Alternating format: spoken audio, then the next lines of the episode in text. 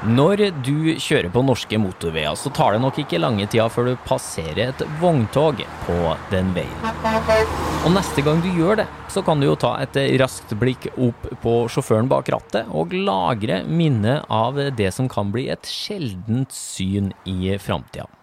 For i løpet av din og min levetid så vil vi trolig bli vant til å se selvkjørende godstransport på veiene våre, dersom man lykkes da med å gjøre det her trygt.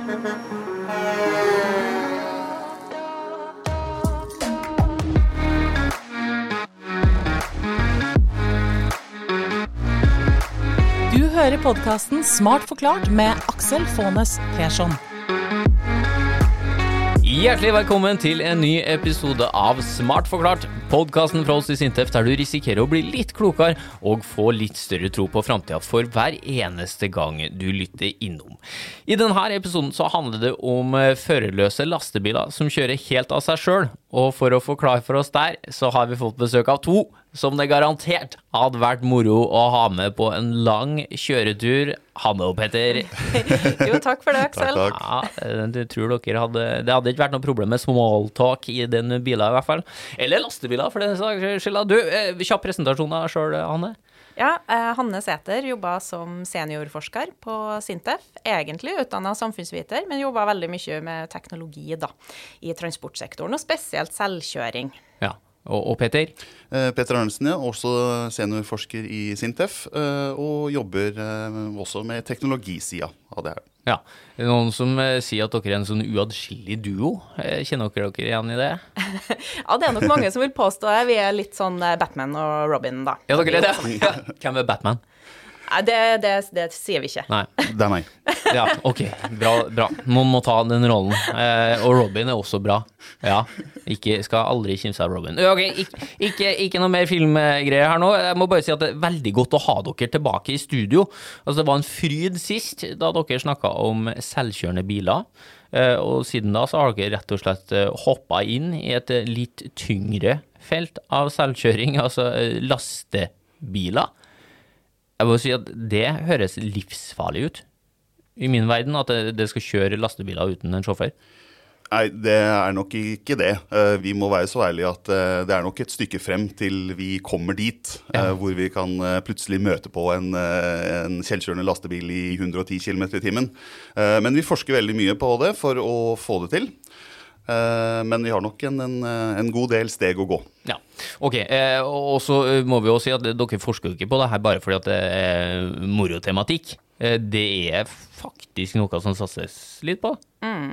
Eh, I økende grad, faktisk. Altså det vi så etter koronaen, eller under koronaen, så gikk jo nybilsalget ned drastisk i verden. Eh, og det vi ser da, er jo det at i etterkant av koronaen så har de tradisjonelle bilprodusentene og lastebilprodusentene da eh, tapt terreng mot andre. Eh, og da spesielt utfordrere som er nye på markedet, og som spesielt kanskje kommer fra asiatiske land. Da. Så det her satses det kjempemye på i EU for å opprettholde konkurransen, eh, altså euro, europeisk konkurransekraft. Da. Ja, og dere to og, og flere med dere da, her i Sintef er altså med i et eh, svært europeisk forskningsprosjekt som heter MODI, eh, som prøver å få til det her med selvkjørende lastebiler. Skal jobbe med det et eh, par år framover, eller ganske mange år framover, forhåpentligvis. da. Eh, men hvorfor trenger vi det? Altså, lastebiler som kjører av seg sjøl? Det er flere grunner til det. Jeg kan jo begynne med å nevne sjåførmangel. Eh, Det er en sjåførmangel i- i Europa og andre steder i verden. Eh, Det er vel 20% som det mangler av sjåfører, eh, og det er en trend som, eh, som bare er stigende. Og, og det har jo med det at det å være sjåfør, eh, spesielt tungtransportsjåfør, er jo ikke et sånn spesielt attraktivt yrke har blitt. Altså det er dårlige arbeidsvilkår når man er sjåfør og bor ute på veien. så man, man lever veldig trangt, da, for man bor jo i den der hytta si og har soveplassen sin der, har gjerne med seg en primus, ikke sant, som du koker maten din på. Eh, så det er dårlige arbeidsvilkår. Eh, det er ingen som vil være bort fra familien sin så lenge. Eller veldig få, i hvert fall, da. Ja, noen er det jo. kanskje noen som vil ha en pause. Men ja, i snitt da, så vil nok de aller fleste være hjemme med familien sin. Og de sjåførene her er borte lenge om gangen. Ja. Og så er det vel noe med at eh, når det er en menneskelig sjåfør, da, så mennesker trenger hvile. Eh, og dermed så går det her ikke så effektivt, den transporten av en vare fra A til B, som det kunne ha gjort. Nei, eh, man har jo kjøre-hviletid i dag. Og hvis det Og takk for det, si! Ja, takk for for det. alle oss andre trafikanter. Det er helt riktig. Men hvis disse lastebilene blir selvkjørende, så blir jo ikke de slitne på samme måte, og ikke behovet for, for den kjøre- og hviletida. Eh, Sånn at de kan jobbe 24-7. Frakte varer hele tida. Ja, og vi kan også ha flere eh, mindre eh, lastebiler som gjør at man kan, eh, man kan frakte mer på kortere avstander og noen på lengre avstander, og mer målretta. Sånn at alt blir mer effektivt. Ja. Er det òg snakk om å spare litt penger her? Altså, det koster jo for en sjåfør. Ja, i aller høyeste grad. Og det er ikke bare sjåførkostnadene som går ned, men det er òg kostnadene inn på terminalene. Altså det å, det å skifte transportmodig, f.eks. fra båt til lastebil, eller eh, til, over til jernbane, eller ja, hva du nå skal skifte over fra og til, da. Det er ekstremt dyrt i dag, og veldig kostnadsdrivende. Så det å få fjerna øh, sjåføren, det vil òg gjøre at det blir billigere å drive på og bytte transportmodig. Da. Og, da, og det her kan òg være en måte å få mer gods over på eh, sjø og bane. Men er det så mye gods som, som fraktes langs veien eh, med lastebil, vogntog, trailere i dag? Ja, det er ganske betydelig.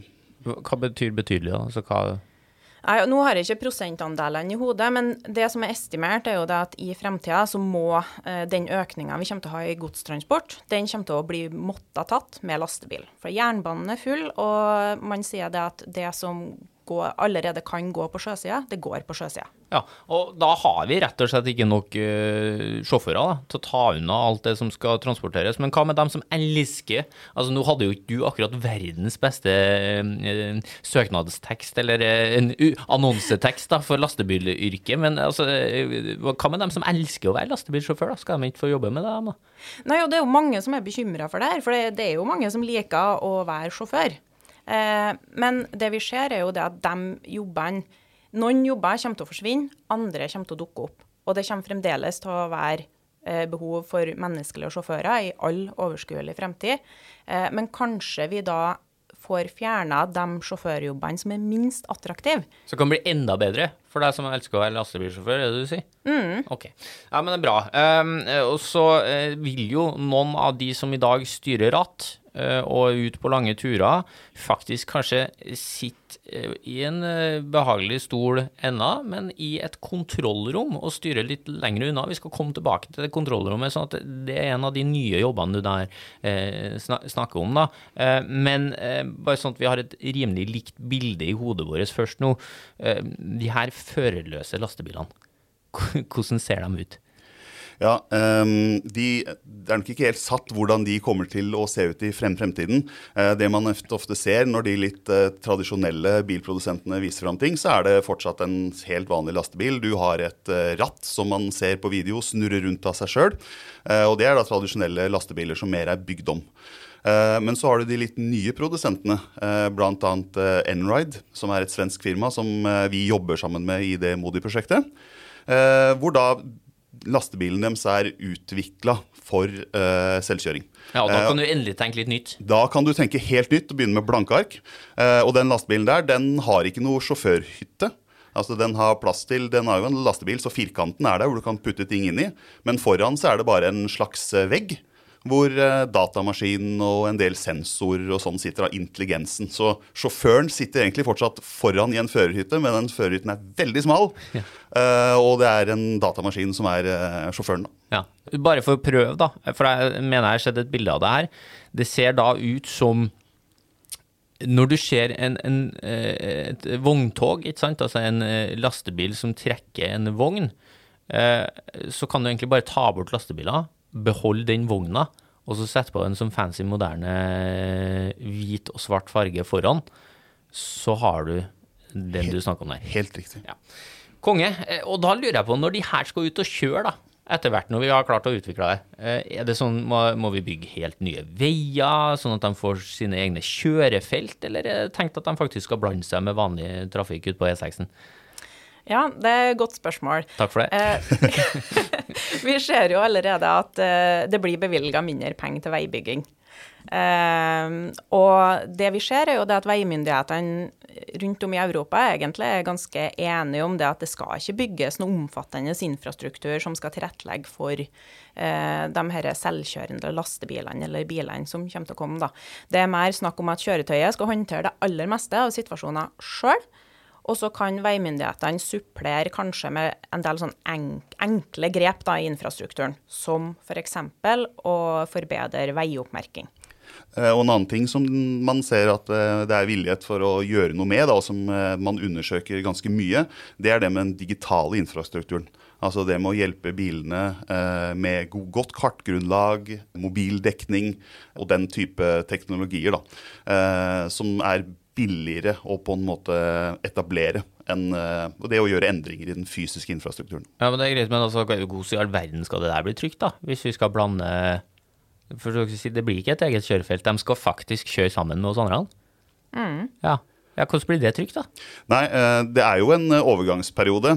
Men eh, disse bilene trenger jo en del støtte. For også for det første må de jo lære seg å kjøre. Og det er jo det, noe av det vi jobber med. Altså hva er det som skal til for at det skal være trygt, også i den overgangsperioden. Men de er avhengig av en del teknologier og en del hjelp. Eh, Som f.eks. det jeg snakket om. eh, Kommunikasjon og god posisjonering. Og egentlig en del av de tingene som vi snakket om i den forrige episoden eh, når vi var her. Ja, så som, hvis du har lyst da, til å eh, høre skikkelig detaljer, så kan du gå inn i den episoden i arkivet til Smart forklart som heter Selvkjørende biler. Så eh, drar vi deg ganske godt gjennom det der, men vi må innom det her nå. Nå eh, kan ta kortversjonen, da. For hvordan klarer, og du har vært litt innom det allerede, hvordan klarer den lastebilen til slutt da, og kjøre helt av seg sjøl? Ja, Det er en kombinasjon av eh, flere teknologier. Bl.a. blant annet eh, det med kommunikasjon, altså mobiloppkobling. eh, Og bilenes evne til å prate med hverandre. Altså, og det kan jo, Mange av disse teknologiene gir jo mer enn det, enn det vi mennesker klarer. Altså, Vi kan jo få blikkontakt i et kryss, f.eks. Vi kan blinke osv. Eh, men du vet ikke helt hva den sjåføren som du møter, den andre sjåføren, egentlig har tenkt til å gjøre. da. Men selvkjørende biler de kan jo snakke direkte med hverandre eh, og fortelle nøyaktig hva de skal gjøre til hverandre. Eh, og så er det eh, en del masse sensorer i bilene som må, må fungere. Eh, F.eks. de må lese skilt, eh, de må kunne lese veioppmerking eh, og egentlig navigere på veien. Da. Eh, og det er litt det samme som, eller egentlig akkurat det samme som vi gjør med, med våre øyne. Da. Eh, og der er det ofte maskinlæring og AI og sånne algoritmer som skal til for å få det til å fungere. Så kunstig intelligens er her òg. Kunstig intelligens er overalt. Overalt. Men Hanne, det var derfor du da sa i stad at det er så viktig med veimerking, at vi trenger kanskje ikke å lage det ekstrafeltet så lenge vi investerer penger at veien er skikkelig merka. At det faktisk er mulig, da. For kortversjonen her er jo at, at eh, en lastebil da, som skal kjøre av seg sjøl, den har sensorer som registrerer ting rundt seg. Den har kamera som gjør at man ser eh, mye av det samme som vi da klarer å se med øynene våre òg, og de kameraene blir bare mer og mer utvikla. Så har du òg det som heter radar, som gjør til at um, ja, La oss nå si da at det står et barn eh, bakom en, eh, en, en, vegg langs veien, så vil radaren faktisk kunne se det barnet, ikke sant? Vil se at det er en, et barn her, eller er, er det helt feil? Det er nok ikke radaren som eh, ser det, men det er teknologier som kan hjelpe til med det. ja. Eh, Blant annet så kan jo infrastrukturen, eller en annen bil, kan jo se dette barnet, og så kommunisere det til, til, til en annen, til bilen som kommer rundt hjørnet, at her er det et, et barn i nærheten. Jeg er så glad for at det er dere som er ekspertene og forklarer, og ikke meg. Herlig at dere kommer med riktige fakta. Men ok, men da, da er det mulig, for jeg mente at jeg hadde lest en plass. Og så er det der med at man da, eh, med hjelp av alt det her, annet kameraene, og leser veioppmerkinger, leser skilt, og så gjør kunstig intelligensen at alt det her kan kombineres og forstås, og så har man i tillegg da faktisk lært seg trafikkreglene til punkt og prikke. Mye bedre enn noen av oss mennesker klarer. Og så må vi bare understreke at det, det er jo akkurat det her som gjør at det er så vanskelig. For at det er snakk om så mange forskjellige teknologier som skal virke sammen. Eh, og det er derfor det her ikke kommer til å skje i morgen. Nei. Eh, litt lenger fram, da. Eh, men, men så er jo det argumentet imot at det her noensinne skal fungere i Norge, da, som serveres hver gang det legges ut noe om det her på Facebook f.eks., så er jo kommentarfeltene full av folk som skriver ja, men hallo, været i Norge da, folkens. Eh, veistandarden i Norge. Jeg måtte bevege meg litt bort fra mikrofonen nå, for det ropes jo i kommentarfeltene. ikke sant, Men altså, det er jo et kjempepoeng. Været i Norge er ikke det enkleste. Altså, hvordan skal det her, alt det her klare seg gjennom snø, sludd, glatta, is som fester seg på sensoren. Jeg vet jo på biler mye, så sensorene er jo helt ville på vinter. Fungerer jo aldri fordi at det er is på. Mm. Og det, det, forskes det ganske mye på, eh, bl.a. fra oss, eh, men også andre. Eh, for hvordan vi kan eh, sørge for at disse systemene også fungerer eh, på en fjellovergang, f.eks. i røft vær. Uh, og Det er jo en grunn til at vi i Modi-prosjektet uh, kjører på Svinesund uh, og ned på E6 der, og kommer til å gjøre det om sommeren. det er for å, for å, vinne erfaring med de, med de, ideelle forholdene, da. Ja, Men har vi noe som helst svar på hvordan vi skal takle vinterforholdene i Norge? Det er nok det med en kombinasjon av sensorer igjen. Eh, og kanskje til og med at det er utstyr, eh, kan være noe utstyr langs veien som kan, som kan hjelpe til. Eh, og det behøver ikke å være dyrt utstyr. Det kan f.eks. være å sikre at, at kamera eller lidaren har noe å se på som den vet hvor den er. Altså i kombinasjon med et godt kartgrunnlag. da. Men ikke alle norske hovedveier som er så brei. Altså smale fjelloverganger og sånne ting. Så takler man det, da? Refererer fra kommentarfelt her. Ja, altså Menneskelige sjåfører kjører jo der i dag òg. Og tanken er jo det at så lenge en menneskelig sjåfør fikser biffen, så skal òg maskinene klare å løse samme situasjon. Eh, men det her er en eh, treningssak. Eh, det blir litt som å lære seg å sykle. Man tryner noen gang, og så er vi nødt til å være sikre på at den tryninga skjer i en Kontrollert. Yes. yes. Og ikke ut på E6-en med en gang. Nei. Eh, og, og, der er vi jo inn på eh, litt av det der. Når jeg var ute og øvelseskjørte med min far en gang i tida, så starta vi på en trygg parkeringsplass. Ganske svær nå. Det var umulig å treffe på noe der før man bevegde seg ut på en motorvei. Eh, er det sånn her òg? Har dere en svær parkeringsplass dere prøver på? Ja, det er jo slik vi jobber. Eh, altså, vi, vi tester jo ting i lukka miljø før vi på en måte tar det ut i, det, i samfunnet. Da. Og det er jo en del av det vi jobber med i Modi-prosjektet òg, at vi, vi, ser på det som skjer inne på terminaler. Eh, det er et mer kontrollert lukka område som gjør det enklere å få testa ut under kontrollerte former. Da. Ja, Og en terminal er i denne sammenhengen? Det er havner, stort sett. da. Riktig. Eh, og der kan dere sperre av sånn at det ikke er mennesker som eventuelt eh, får vondt om noe går galt. Du, eh, sånne ting som eh, Når det her da er oppe og går når de her er ute og kjører på motorveiene en gang i tida.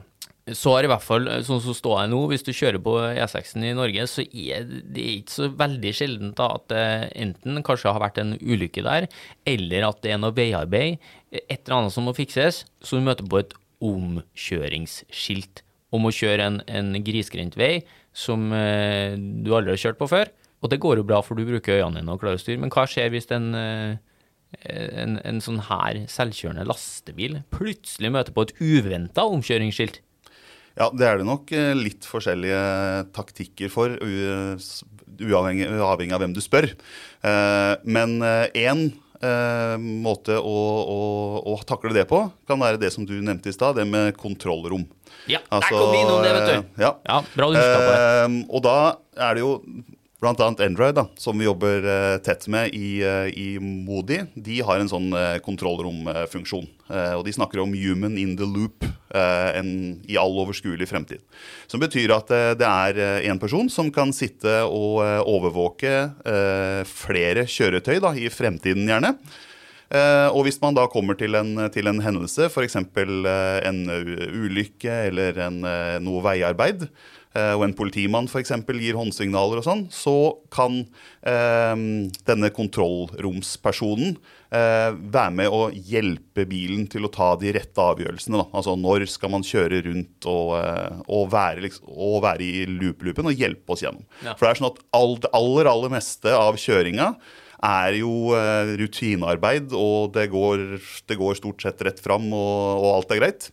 Eh, men det er de situasjonene da, hvor du trenger, hvor antageligvis trenger litt hjelp, og da er en sånn human in the loop-løsning ja. nyttig. Og da får du spørsmål da fra, fra lastebiler. Er det greit at jeg kjører her? Ja, det er det, det er ikke sånn at du faktisk sitter med et ratt i det kontrollrommet og kan overstyre? Nei, det er gjerne det at bilen kommer med forslaget at jeg kan kjøre her. Eh, en annen case kan være at eh, lastebilene de skal jo gjennom, eh, gjennom toll. Hvis du skal få til tungtransport, så må man gjennom en toll. Og da kan det jo være at en, en tollkontrollør vil ha kontakt med en som har ansvar for, for det godset du frakter på. da.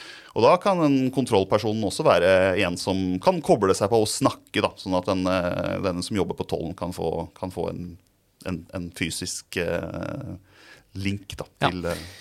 Kjenner at jeg kunne ha blitt stressa i kontrollrommet hvis det var flere lastebiler som måtte kjøres om. Omkjøring samtlig. Altså, men ja, det er sikkert en løsning for det òg. Men eh, apropos det med toll, og det er faktisk en ting som ikke er så veldig kjent, men den utfordringa et vogntog eller en selvkjørende lastebil da, vil møte på ved kryssing av landegrensa. For det er jo ofte sånn når du frakter en vare at det skal fra ett land til et annet et, og kanskje på den veien så må du faktisk gjennom flere land eh, over landegrensa. Hvorfor er det en utfordring? Nei, det, det, og det er jo en veldig viktig utfordring for gods. Fordi at gods er jo, det mesteparten av godset, det er jo faktisk grenseoverskridende. Eh, men folk har kanskje prøvd å kjøre over grensa til Sverige og lagt merke til det at mobildekninga kan dette ut, f.eks. akkurat idet du krysser grensa. Så hvis du driver på streamer et eller annet, sitter og kikker på, har noen unger som, i baksetet, som sitter og streamer Netflix Ja, eller YouTube da kan man eh, oppleve at det detter ut. Det blir dårlig stemning. Legger noe sinnssykt. Ja, det gjør det, ja. ja, ja og, og, det er dumt fordi Nei, for at hvis eh, kjøretøyet da er avhengig av den mobiloppkoblinga for å fungere, så blir jo det en teknologi som detter ut, som kjøretøyet da ikke kan bruke. Nettopp. Og det du sier nå, da, det er at du risikerer egentlig For de her kjøretøyene, de snakker jo hele tida med et eller annet system, som da er veldig avhengig av at den kommunikasjonen fungerer, takket være f.eks. 5G. da. Så hvis 5G-dekninga detter ut, hva i all verden risikerer vi da? Altså At den bare slår seg av, da? Ja, altså da må man jo ha en sikkerhetsfunksjon, at den da må kjøre inn på veiskulderen f.eks. og stoppe. Men hele poenget her er jo at det ikke, ikke, ikke, ikke skal skje, da. ja, men hvordan, hvordan, unngår man sånn der dropout, som det heter da? Nei, da er det jo enten så må jo mobilnettet fikses sånn at den dropouten ikke, ikke ikke kommer, da. Uh, og det, det, det, jobbes det med fra mobilsida. Det er flere prosjekter som går spesifikt på det. Eh, ellers er det at eh, kjøretøyet og de andre sensorene i bilen da, må kunne kjøre deg i hvert fall et lite stykke. Uh, uten den, uh, uten den mobile oppkoblinga. Ja, og du snakker om ting som detter ut, altså tunneler. Må man kjøre gjennom der, da? Eller ute i et område med dårlig dekning i grisgrendt strøk?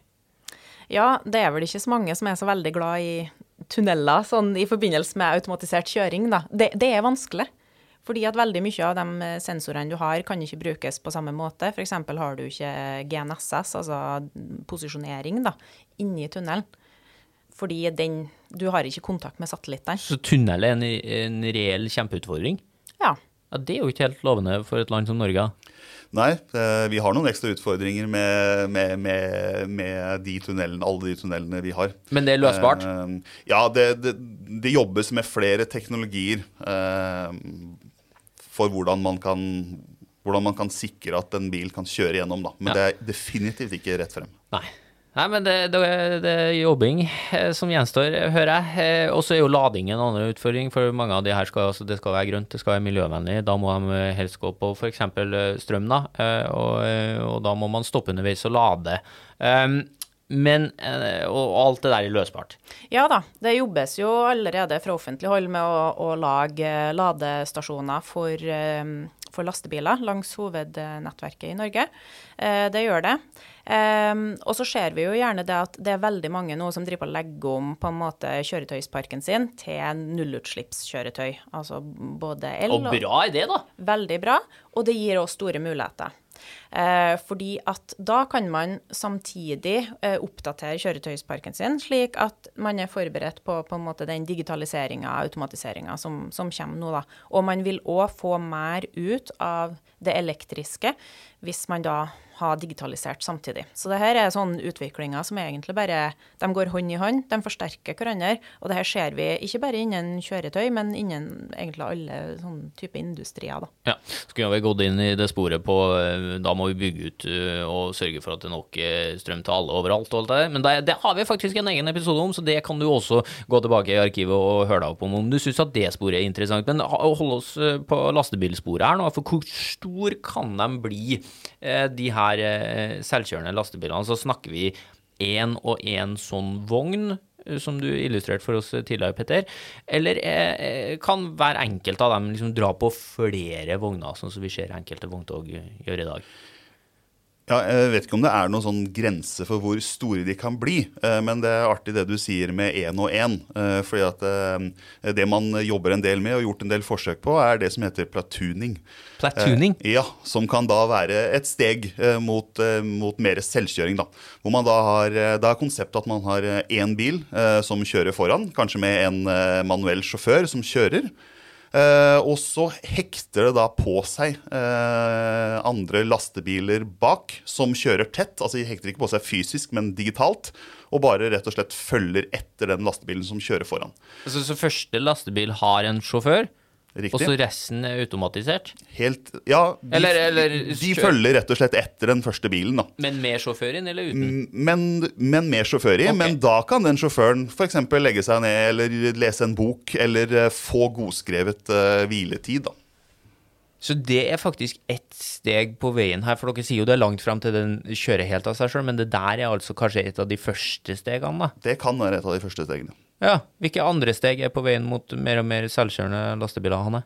Nei, altså, Vi ser jo allerede i dag at uh, biler og lastebiler begynner å ta i bruk mer og mer avanserte uh, kjørestøttesystemer. Det finnes allerede i bilene i dag. Eh, alle, stort sett alle biler som selges i dag, har jo adaptiv cruisekontroll, som egentlig kunne ha fungert ganske likt som det platooning-konseptet som eh, Petter fortalte om i stad.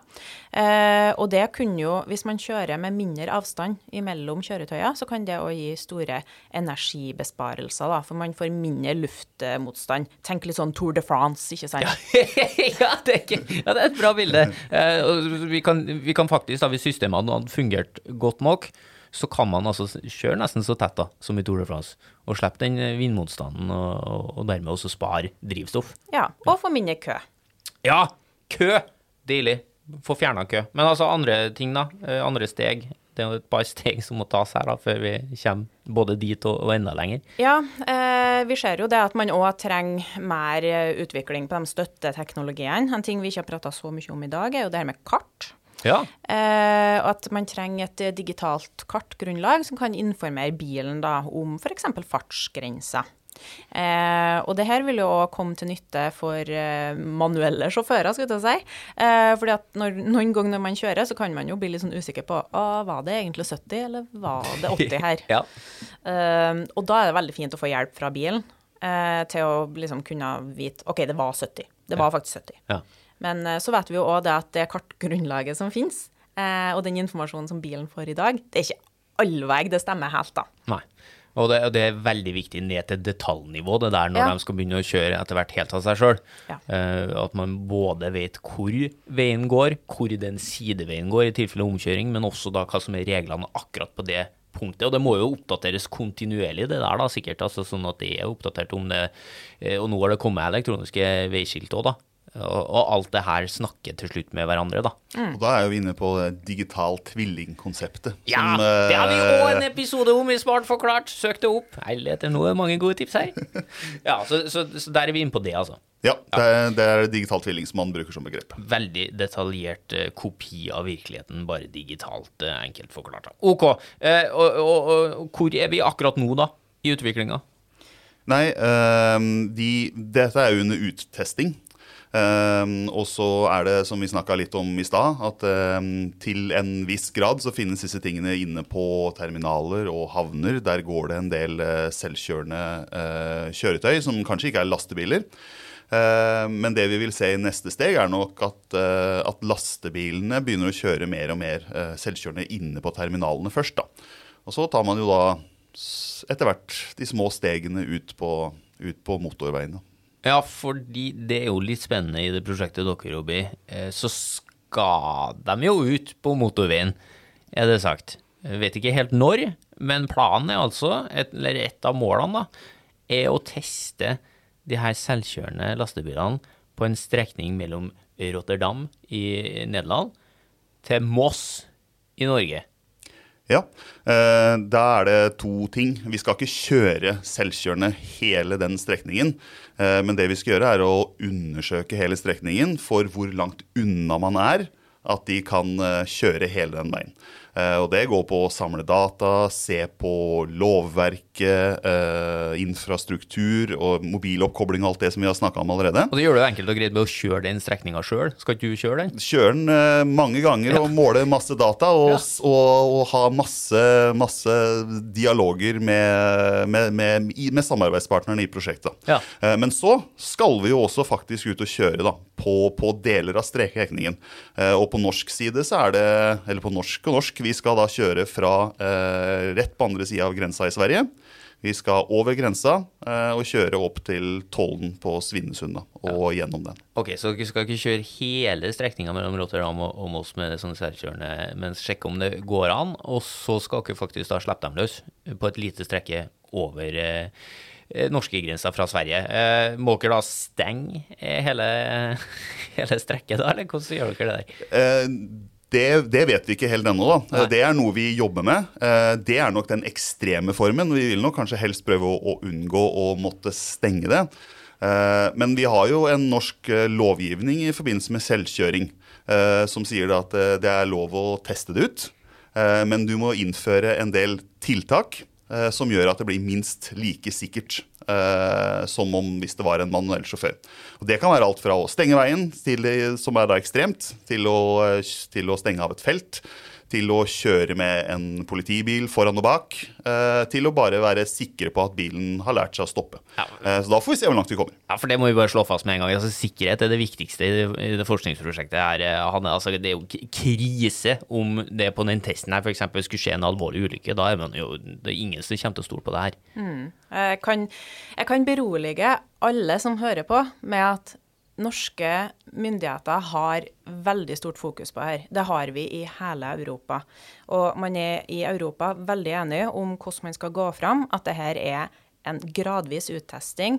Eh, og det å se ulykker med selvkjørende kjøretøy kommer til å være helt kritisk for tilliten som vi som mennesker har til teknologien. Så det vil vi unngå for enhver pris. Det her skal fungere før man slipper det løs. Eh, Men eh, for at det skal bli en realitet, da, for at vi skal komme dit at eh, lastebiler kjører sjøl og kanskje frakte varer langs eh, motorveien, kommer fram til en plass der de skal laste av for eh, andre selvkjørende lastebiler til å hente, sånn at de kan fordele seg og spre seg utover de små stikkveiene. Når det her skal fungere, da, altså hvordan skal vi komme oss dit? Hvordan skal vi få det til en realitet? Nei, altså mye av oppskrifta for å lykkes, det er nok å samarbeide. Eh, Det å samarbeide på tvers av eh, forskjellige sektorer, altså det at man har industrien som samarbeider med myndighetene. Og det er jo ganske unikt i en, eh, i en sånn europeisk sammenheng, da. At vi er veldig gode på samarbeid i Europa.